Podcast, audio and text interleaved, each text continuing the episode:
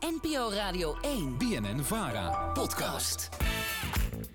Dit is een bonusaflevering van de Vroeg Podcast. Hierin bespreken we het nieuws waarover we het vandaag in de radio-uitzending niet hadden, maar waarvan wij wel vinden dat jij het moet horen.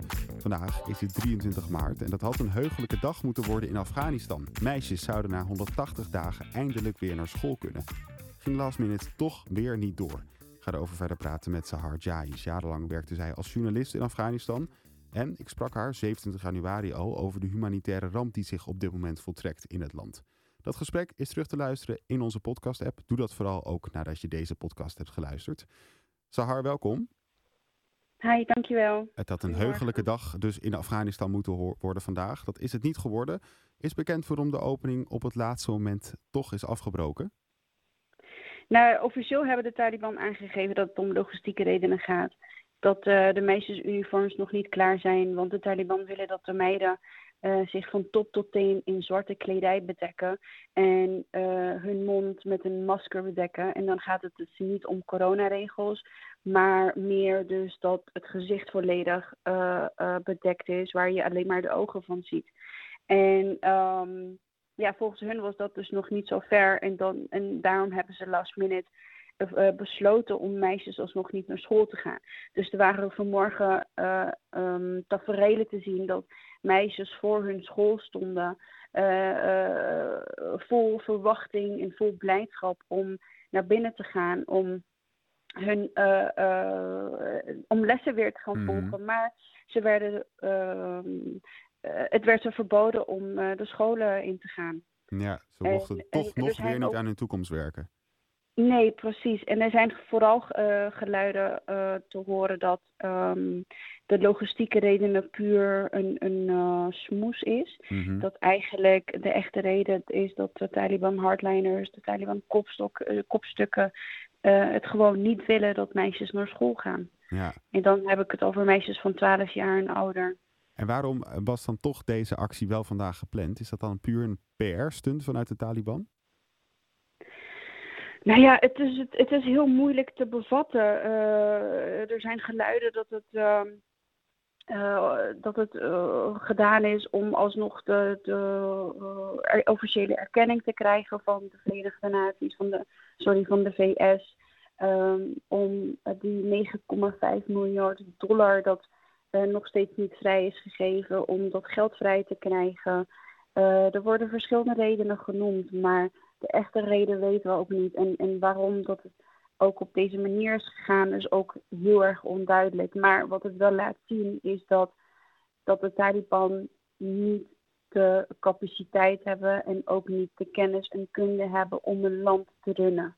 Ja. Dat is wat wel duidelijk wordt hieruit. En je refereert aan de 9,5 miljard dollar die de Verenigde Staten hebben bevroren op dit moment, die eigenlijk nog vrijgegeven mm -hmm. moeten worden. We spraken daar in ons vorige gesprek, 27 januari, ook al uitgebreid over. Want toen ging het erover ja. dat dat geld vrij moet komen om de economie ook weer op te starten. En je stelt eigenlijk, de Verenigde Staten hebben daar nu wat uh, voorwaarden aangesteld. En een van die voorwaarden zou moeten zijn dat iedereen weer naar school moet kunnen. Nou, de, de grootste voorwaarde is dat bijvoorbeeld de mensenrechten gerespecteerd moeten worden. En hmm. dat is wat tot nu toe niet is gebleken. Uh, de Taliban, sinds het moment dat ze aan de macht zijn, zijn ze een klopjacht begonnen uh, op soldaten die bij het uh, vorige regime dienden. Um, klopjacht begonnen tegen mensen die überhaupt bij het vorige regime werkten of bij internationale organisaties. het verbieden van meisjes om naar school te gaan. Het verbieden van vrouwen om deel te nemen mm -hmm. In, in het publieke leven. Dus dat zijn allemaal mensenrechten schendingen. En daarom um, geloof ik niet dat, dat zij überhaupt die 9,5 miljard dollar ooit zullen krijgen als zij op deze manier doorgaan. Maar wat er ook nog eens bij gekomen is dat Joe Biden recentelijk heeft aangekondigd dat ze de helft van dat geld uh, willen geven aan uh, de nabestaanden van de 9-11 slachtoffers. Ja, dus dat geld, wat nu dat potje eigenlijk nog, wat nu bevroren geld is nog, wat terug de Afghaanse economie in moet, daar wordt een deel ja. van afgesnoept om aan de slachtoffers van 19-11 te geven. Ja, klopt. Dat, heeft, dat heeft hij wel aangekondigd. Dat is nog niet gebeurd, omdat er een hele grote commotie was ontstaan. En er zijn ook Afghanen in Amerika bezig om de Amerikaanse staat voor de rechter te slepen vanwege de humanitaire catastrofe dat in Afghanistan is gebeurd. Mhm. maar dat is wel een van de dingen die Joe Biden heeft aangekondigd. En dan is het nog heel erg cru, want de gemiddelde Afghaan had niets te maken met de aanslagen op de Twin Towers. Ehm, als je nu naar een dorp gaat in Afghanistan, die gaat het ze vragen van, hey, wist je dat er uh, een, uh, aanslagen zijn gepleegd in New York en dat er 3000 mensen daarbij zijn omgekomen, dan zeggen ze nee, waar heb je het over? Dat weten we niet. Ze weten niet eens dat de hele 9-11 gebeuren is gebeurd überhaupt. En om dan het volk daarvoor te straffen, dan is dat uh, ja, best wel onmenselijk. Ja. Om het maar heel zachtjes uit te drukken. Wij spraken elkaar voor het laatst op 27 januari. Toen sprak je over een humanitaire ramp die dreigde voor de miljoenen Afghanen. De winter zat er toen Mhm. aan te komen. Die winter is inmiddels voorbij. Hoe staat het land er nu voor? Uh, het land staat er nog steeds heel erg slecht voor. De laatste cijfers van Human Rights, Rights Watch hebben aangetoond dat uh, alleen al in 2022, dus dit jaar, sinds begin dit jaar, 13.000 pasgeboren baby's zijn overleden aan gevolgen van voedseltekort. En dat 95% van de gehele bevolking honger lijdt.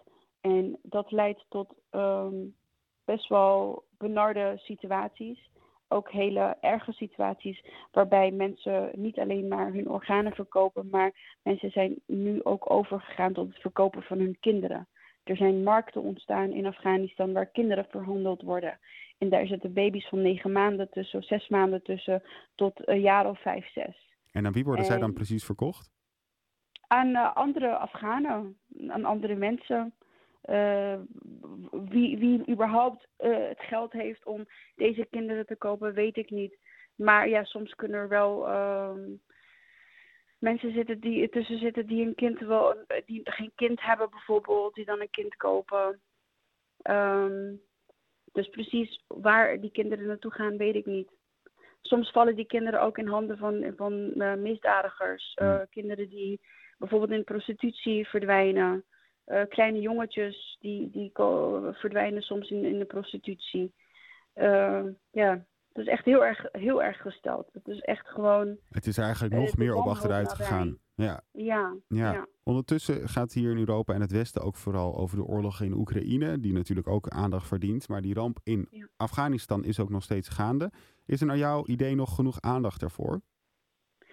Uh, nee, er, de, alle aandacht gaat nu op dit moment naar Oekraïne, wat ook te begrijpen is. Um, en vooral wij als Afghanen begrijpen uh, als geen ander hoe erg het is als je land um, aangevallen wordt. Uh, waar je ineens van de een op de andere dag in een oorlogssituatie terechtkomt. En um, we voelen heel erg mee met, met, onze, met de, Oekraïnse uh, bevolking. Maar aan de andere kant vind ik het ook jammer dat er zo weinig andere crisissen in de wereld, of andere crises in de wereld, minder aandacht krijgt hierdoor. Ja. Want de andere rampen gaan gewoon nog steeds door. Syrië gaat nog steeds door. Jemen gaat nog steeds door. Afghanistan gaat nog steeds door. Ja. Vandaag had een heugelijke dag moeten worden in Afghanistan, want die scholen zouden open gaan. Wat is een volgende stip op de horizon? Is er een moment dat de scholen volgens de Taliban wel open kunnen als al die, ja, alles is gedistribueerd door het land heen? Ja. Nou ja, ze hebben niet een, een datum gegeven op dit moment. Uh, op dit moment uh, liggen ze, uh, ze houden zich heel erg koest, omdat er natuurlijk heel veel mensen bedrogen uit zijn gekomen vandaag. Hm. Um, dus hun strategie op dit moment is dat ze zich heel erg koest houden en geen statements en dergelijke maken. En vooral nu niet met een nieuwe datum aankomen, want ze zijn steeds meer hun geloofwaardigheid aan het verliezen. Dankjewel, Sahar Jais was dit. Wil je nog meer horen over de situatie in Afghanistan? Luister dan vooral ook aflevering 19 terug van onze podcast. Dan hoor je een gesprek van 40 minuten, waar ik al eerder met Sahar praatte over de humanitaire ramp in Afghanistan. De link naar die podcast vind je in de beschrijving van deze podcast.